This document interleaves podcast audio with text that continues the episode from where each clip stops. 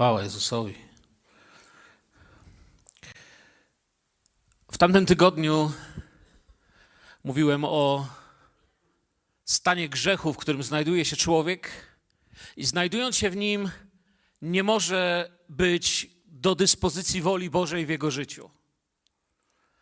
I mówiłem o tym, jakie jest odpowiedź Słowa Bożego i do czego nas wzywa.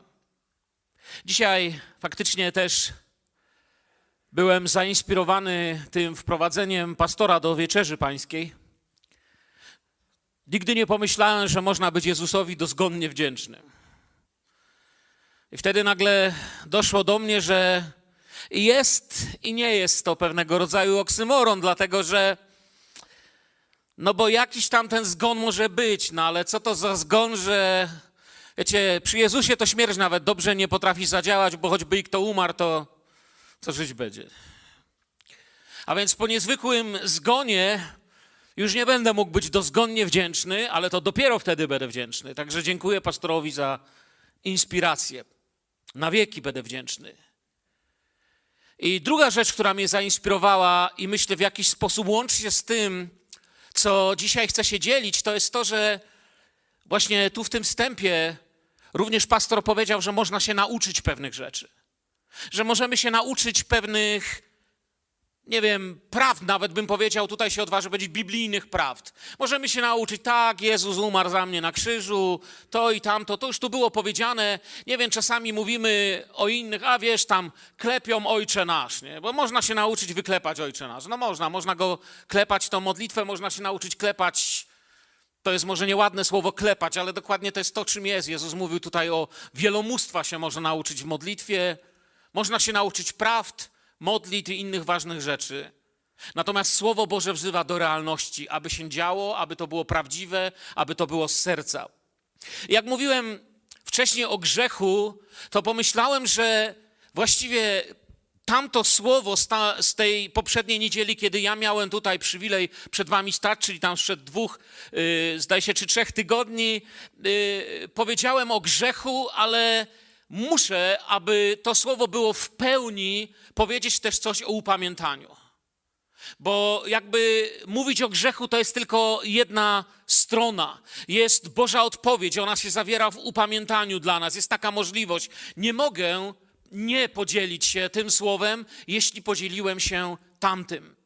Wiecie, w każdym miejscu świata, gdziekolwiek się udasz, czy na ulicach Bielska, czy być może nawet teraz tutaj, w tej kaplicy, czy gdyby cię teraz dowolne miejsce rzucili na spadochronie gdziekolwiek na świecie, czy w kościele, czy poza kościołem byś się znalazł, znajdują się dwa rodzaje ludzi. Ci, którzy upamiętanie przeżyli i tych, których Słowo Boże do upamiętania wzywa. Zdecydowanie takie dwa rodzaje ludzi. I pamiętajcie, że gdy patrzymy w Słowo Boże, upamiętanie było głoszone. Przez cały czas, od początku, poprzez Stary Testament, starotestamentowych proroków, potem było głoszone przez Pana Jezusa, było zwiastowane przez uczniów podczas Dniu Pięćdziesiątnicy, było w centrum nauczania pierwszego i wczesnego Kościoła, było zwiastowane z narażeniem życia przez reformatorów różnego, różnych wieków, przez objawienie Jana jest w szczególny sposób również zwiastowane, będzie zwiastowane upamiętanie, aż nadejdzie koniec. To będziesz zawsze w centrum głoszenia Kościoła i jeżeli tego nie ma w centrum głoszenia Kościoła, znaczy, że dany Kościół nie jest nawet Kościołem biblijnym. Powinno być głoszone w naszym zgromadzeniu i dzięki Bogu, że mamy taką, taki przywilej, mieć to nauczanie i samemu w życiu to zastosować. Albo się upamiętałeś i możesz powiedzieć Amen, albo Duch Święty cię wzywa do upamiętania i będzie działał na Twoim sercu. O to się modlimy. Amen. Upamiętanie zmienia wszystko. Jest początkiem nowego, całkowicie nowego życia. Jest Bożym cudem. Chciałbym, byśmy zobaczyli drugi list Piotra 3,9.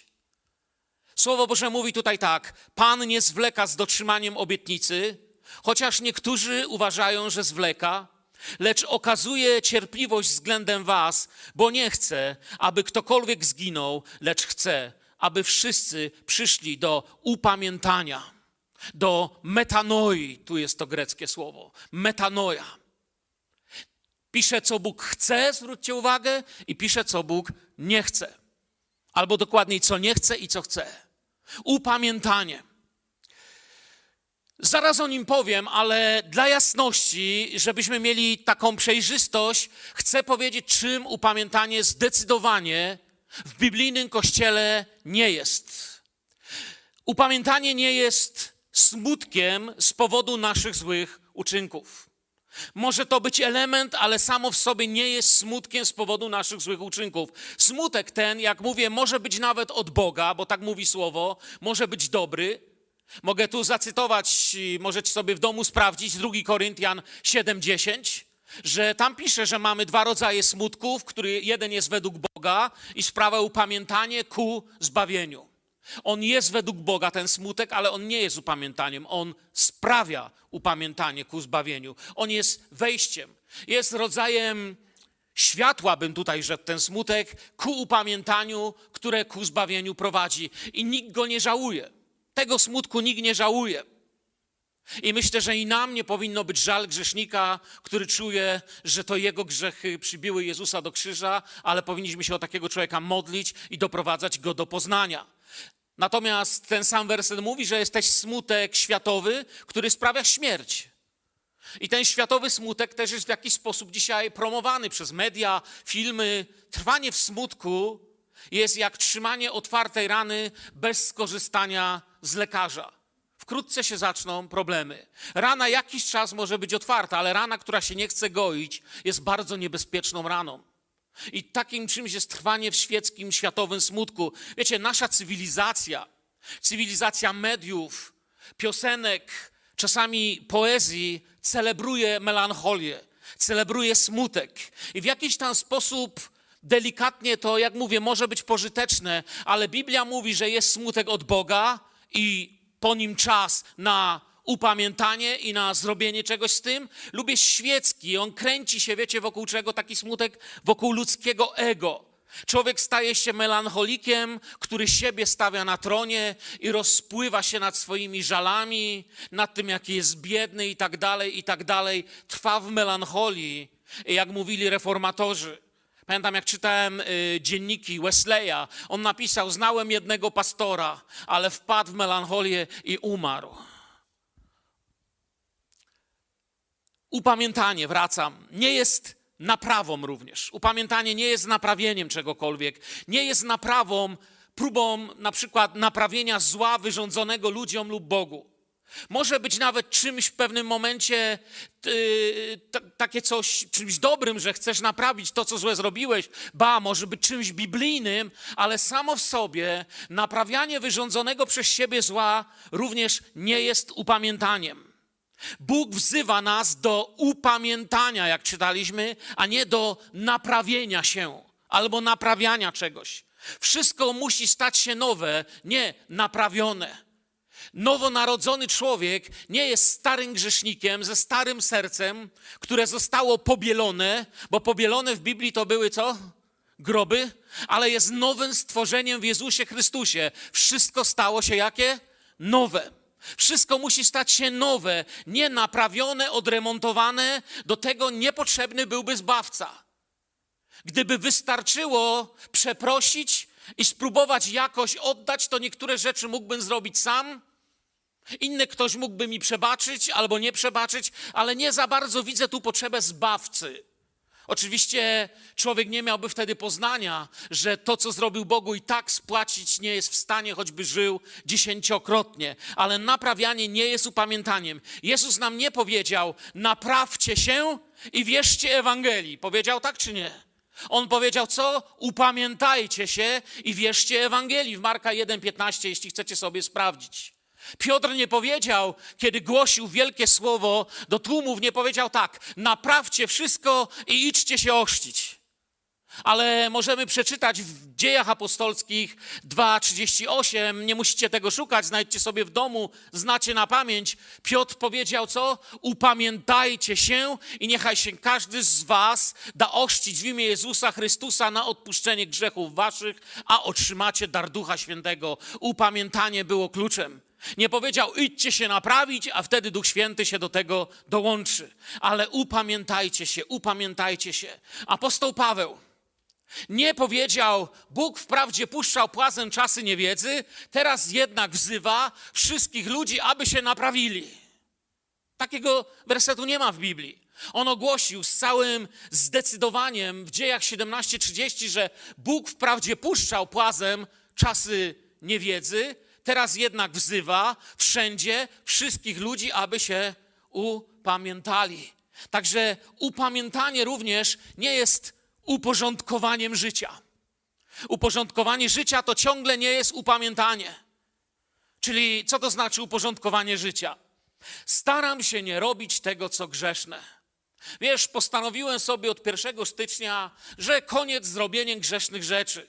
To może rozwiązuje dzisiaj, ale nie rozwiązuje jutra, a już na pewno nie rozwiązuje wczoraj.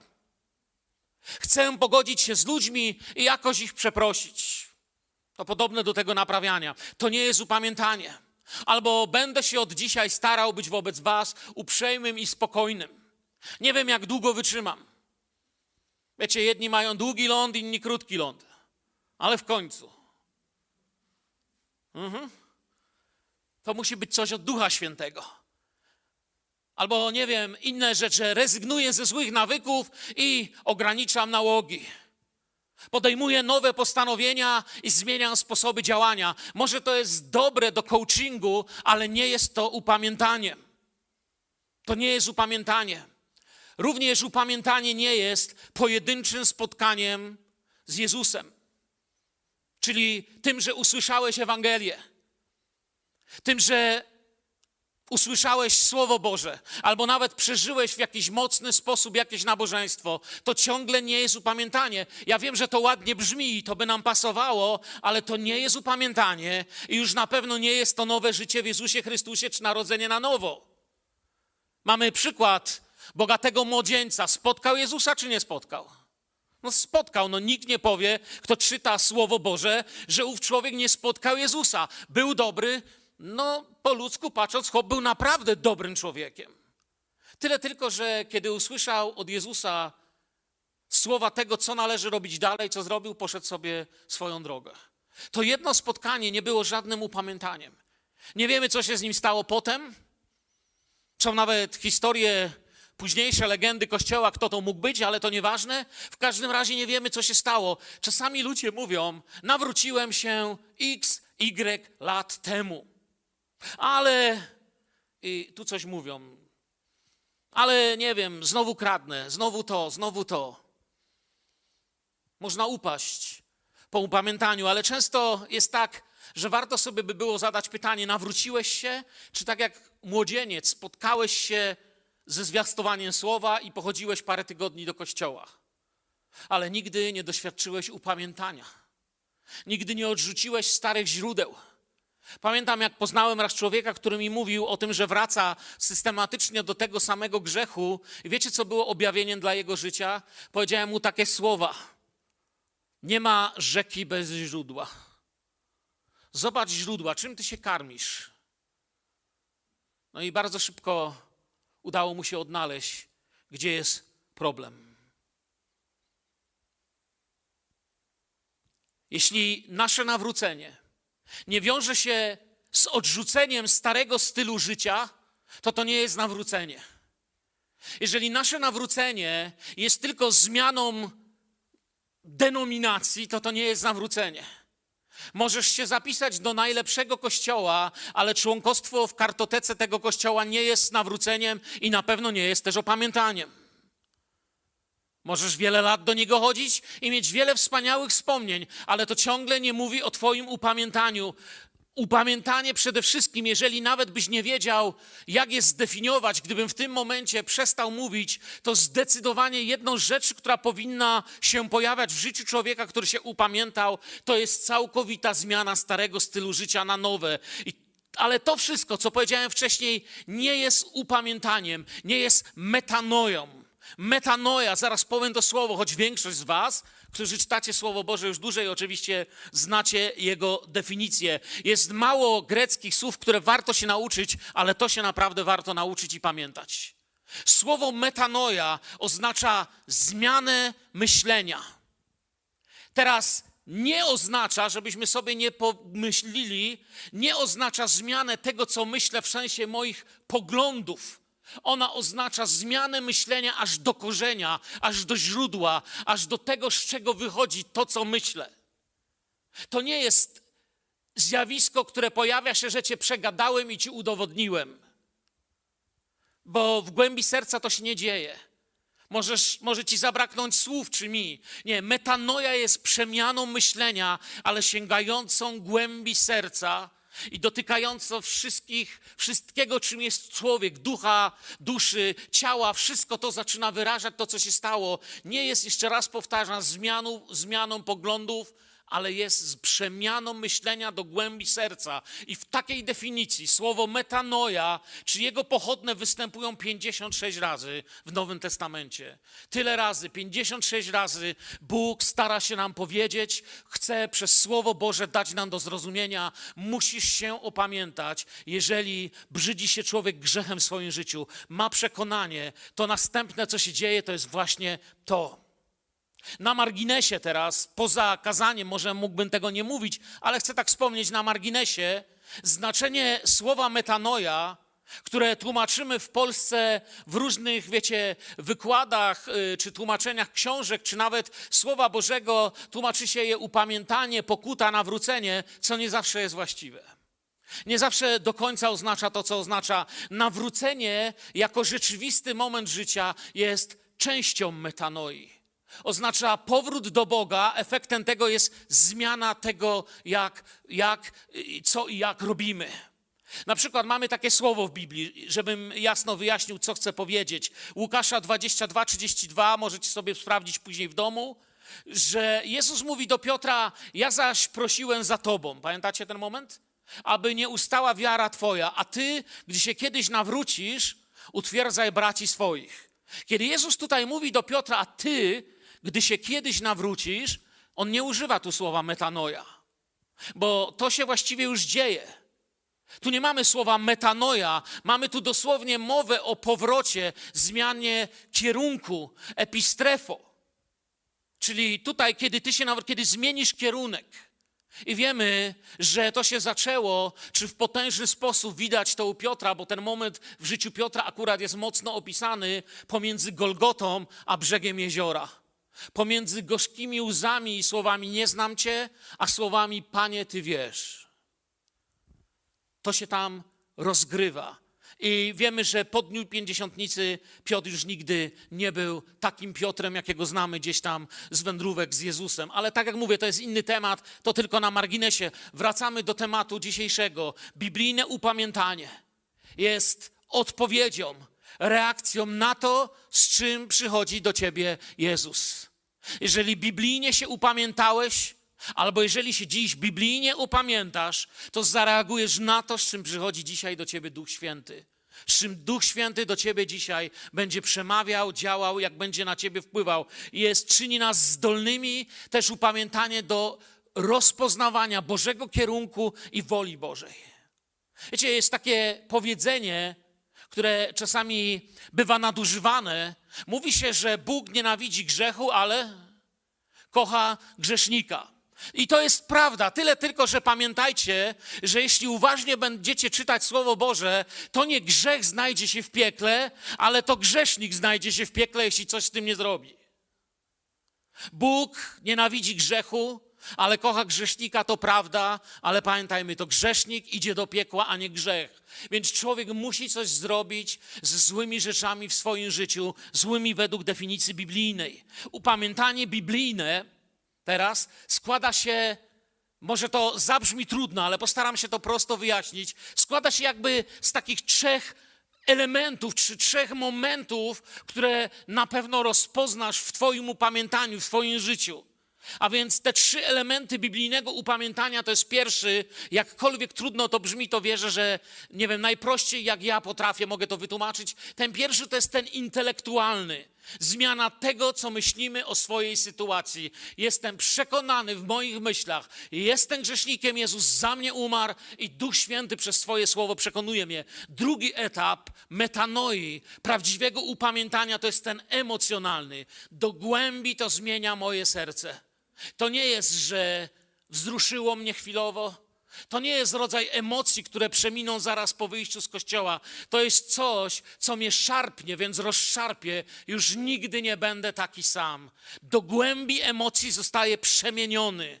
I trzeci etap, a więc intelektualny, tu, ten emocjonalny, wszystko we mnie, do głębi, aż do najgłębszej głębi, głębi i potem decyzyjny. Zmienia się wszystko, czego chcę. Zmienia się całkowicie to, czego pragnę, czego chcę.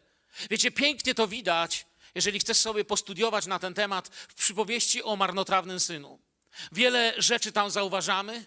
Kiedyś tutaj, nie wiem, chyba już z dwa kazania na ten temat tutaj powiedziałem i za każdym razem pod innym kątem. Dzisiaj tylko jako przykład chcę użyć, nie będę czytał tej historii, ale tam widać te, te trzy elementy. Ten pierwszy to intelektualnie, yy, to brzmi może trudno, rozumowo, wejrzał w siebie. Wejrzał w siebie i nie wejrzał w siebie bezmyślnie. On wejrzał w siebie i miał bardzo logiczne i prawdziwe wnioski, twardo trzymające się ziemi co do, twojej, do, do, co do swojej sytuacji i tego, co zrobił.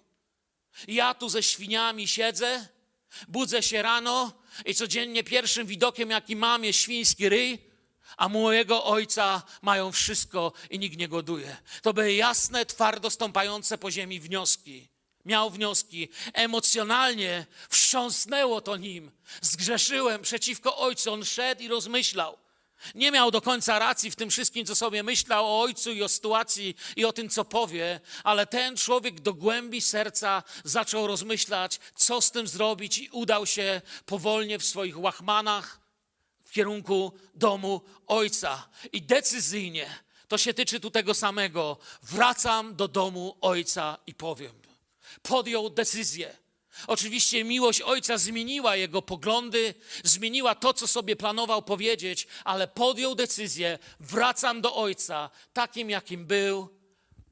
Zrozumiał, poczuł, zdecydował i poszedł. A więc upamiętanie to potężna zmiana. Jak mówię, na przykład marnotrawny syn, ale tych przykładów jest więcej. Zobaczyć, ocenić swoją sytuację, nazwać po imieniu Zaczął rozmyślać o ojcu, a to doprowadziło do powrotu. Wiecie, nikt nie doświadczy zbawienia, jeśli go sam z głębi serca nie zapragnie. Ono jest działem łaski Boga, ale pamiętajcie jedną rzecz: nie jest czymś przymusowym. Duch Święty nigdy nikogo nie opęta. To tak nie działa. Duch Święty nie sprawi, że nieważne, czy ty chcesz, czy ty nie chcesz, teraz będziesz święty. To, to tak nie działa.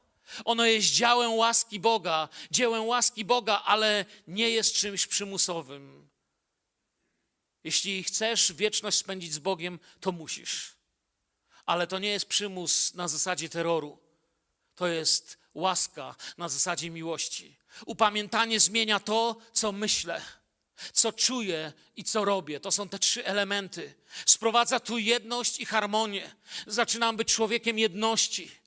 Ta jedność się wyraża, wiecie, przestaje być chodzącym hałasem, który co innego myśli, co innego mówi, a co innego robi. Ale to, co myślę, to robię i to mówię. I ludzie widzą moje opamiętanie, widzą, że Jezus wziął się za moje życie, widzą, że pozwalam Duchowi Świętemu zmieniać moje życie. Każdy grzesznik, który to przyjmie, może stać się wtedy świętym, może stać się Bożym człowiekiem. Nieważne, kim byłeś.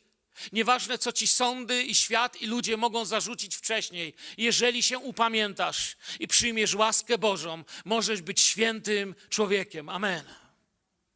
Zobaczcie, jaka to jest siła. Prawdziwie Boży człowiek też nie tylko się upamięta, ale upamiętanie będzie wielkim elementem tego, co głosisz. Będzie wielkim elementem Twojego świadectwa. Zawsze będziesz to głosił.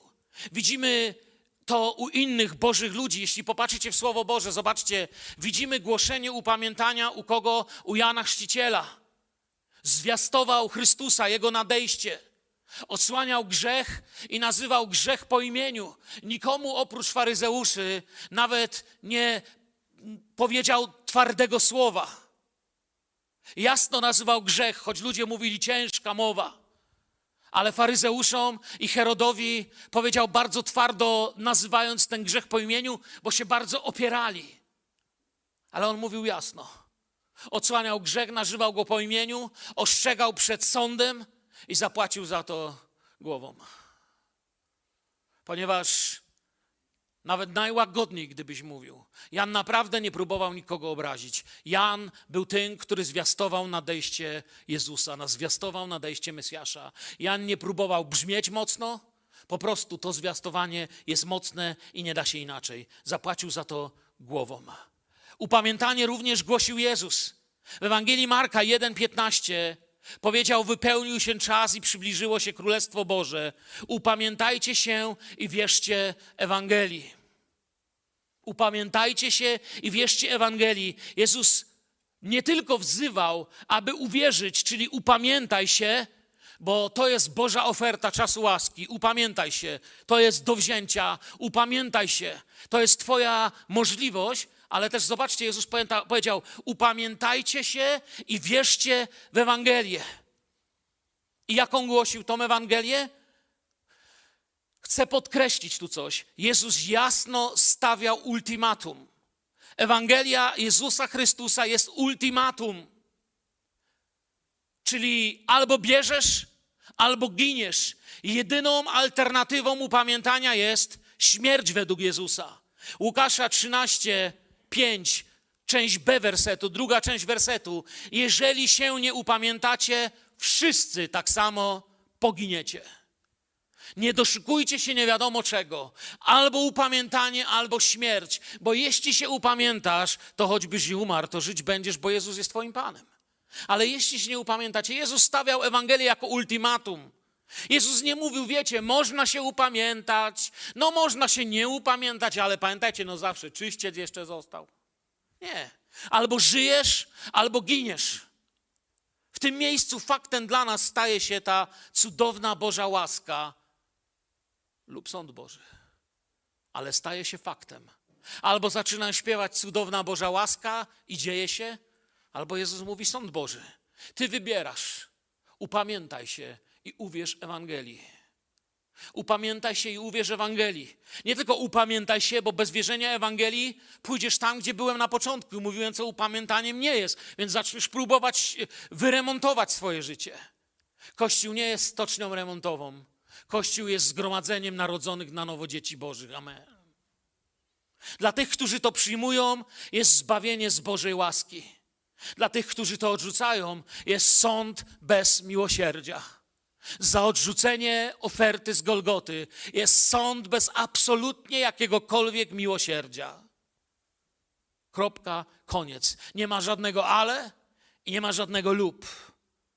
A więc Jezus zwiastował upamiętanie, również Piotr zwiastował upamiętanie. W dziejach apostolskich 2,38 Upamiętajcie się i niechaj się każdy z was da ościć w imię Jezusa Chrystusa na odpuszczenie grzechów waszych, a otrzymacie dar Ducha Świętego. Że mówiłem o tym wersecie dzisiaj wcześniej. Czas zrozumieć, że każdy człowiek, który znajdzie się w piekle, będzie tam z powodu odrzucenia woli Bożej, którą jest dla Twojego życia przede wszystkim najpierw zbawienie Twojej duszy i wieczność z Bogiem. Amen. Potem cała reszta. Królestwa Bożego szukajcie wpierw. Potem reszta. Wszystko inne będzie dodane.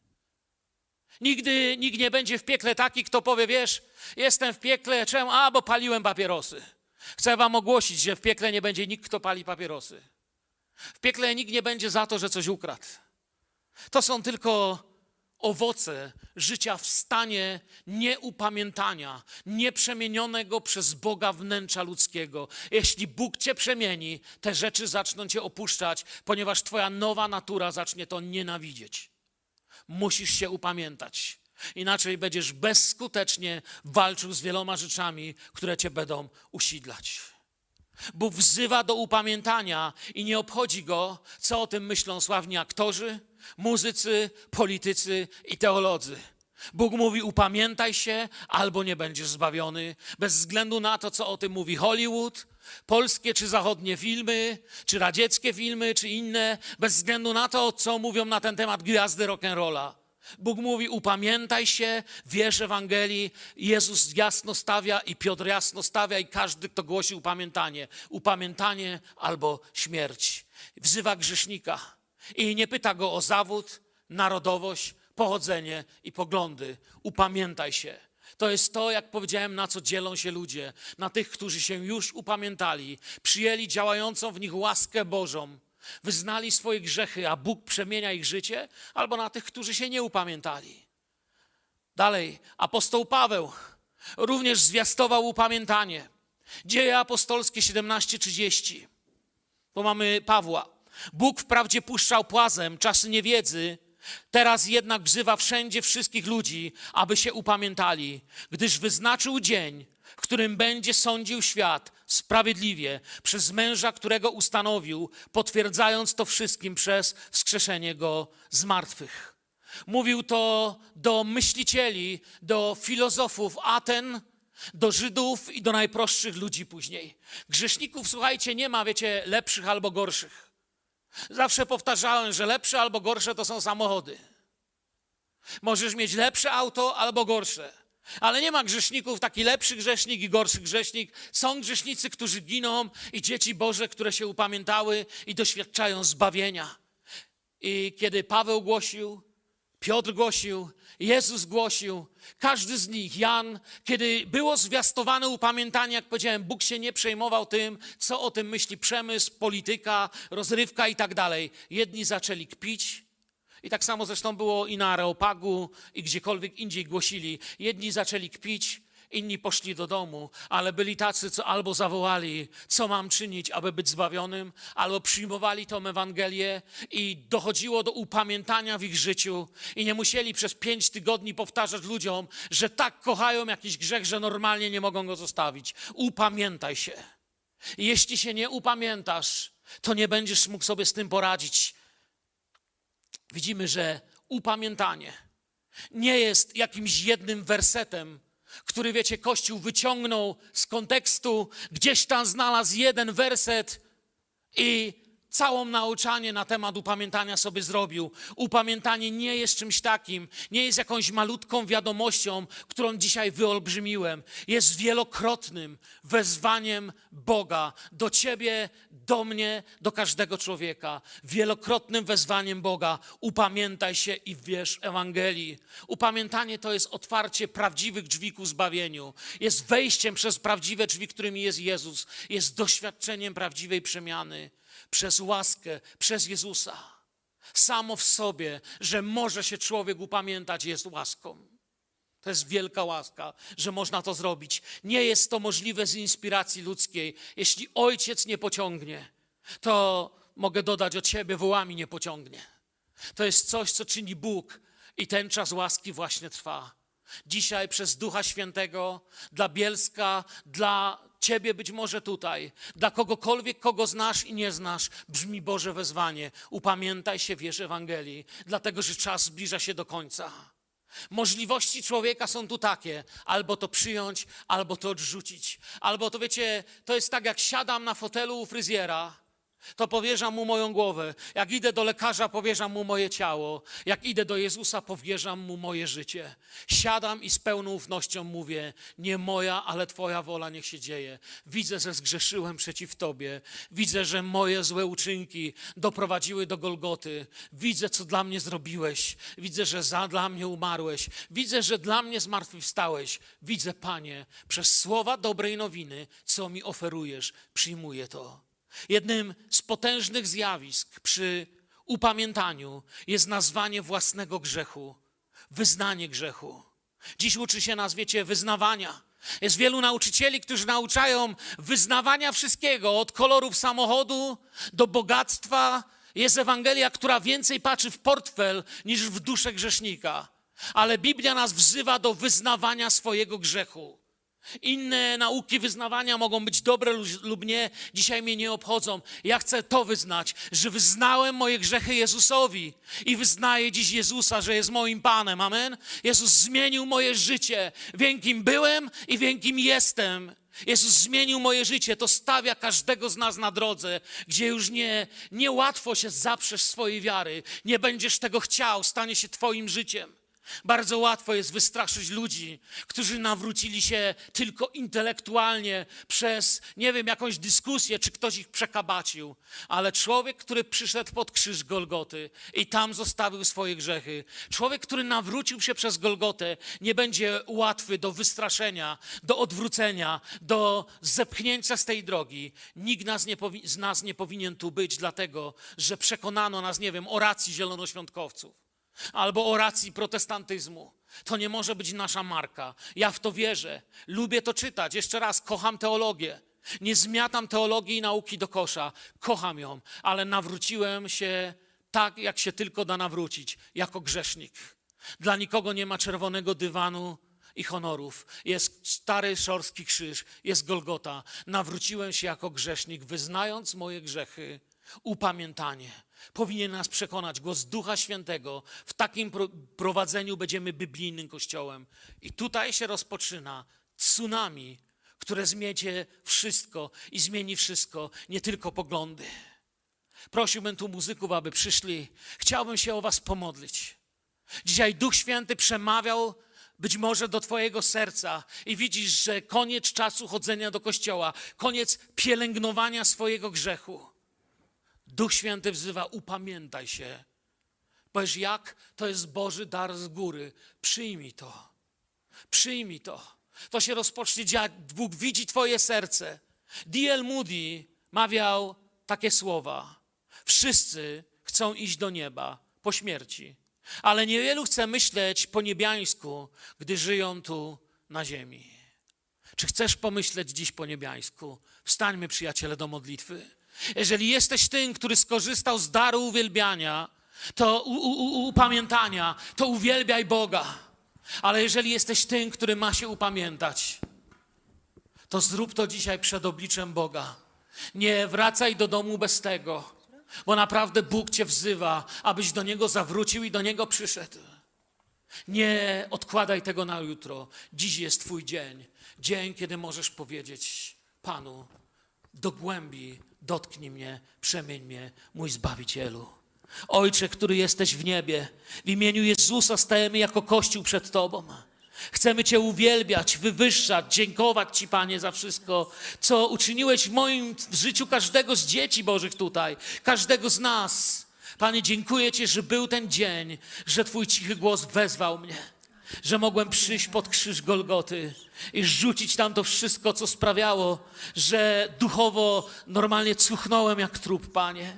Dziękuję Ci, że mogłem tam przyjść i doświadczyć podniesienia że te suche, martwe kości, że to życie, które niosło tylko łzy, smutek, zniszczenie, nałogi, kłamstwa i obłudę, mogło przyobleć się w nowość od Ciebie, że umarłem i mogłem zmartwychwstać przez Ciebie, Panie, że mogę żyć nowym życiem, nowym życiem w Chrystusie. Proszę Cię o każdego, kto jest dziś na tym miejscu, o każdego słuchaczy przez to wideo, przez telewizję, o każdego, kto kiedykolwiek usłyszy to zwiastowanie, aby padł na kolana, aby przyszedł przed Boże oblicze, aby spędził teraz dalszy część dnia, dalszy czas dzisiejszy z Tobą, Panie. Upamiętajcie się i wierzcie Ewangelii. Amen. Chwała Tobie, Zbawicielu. Chwała Tobie, Panie. Amen.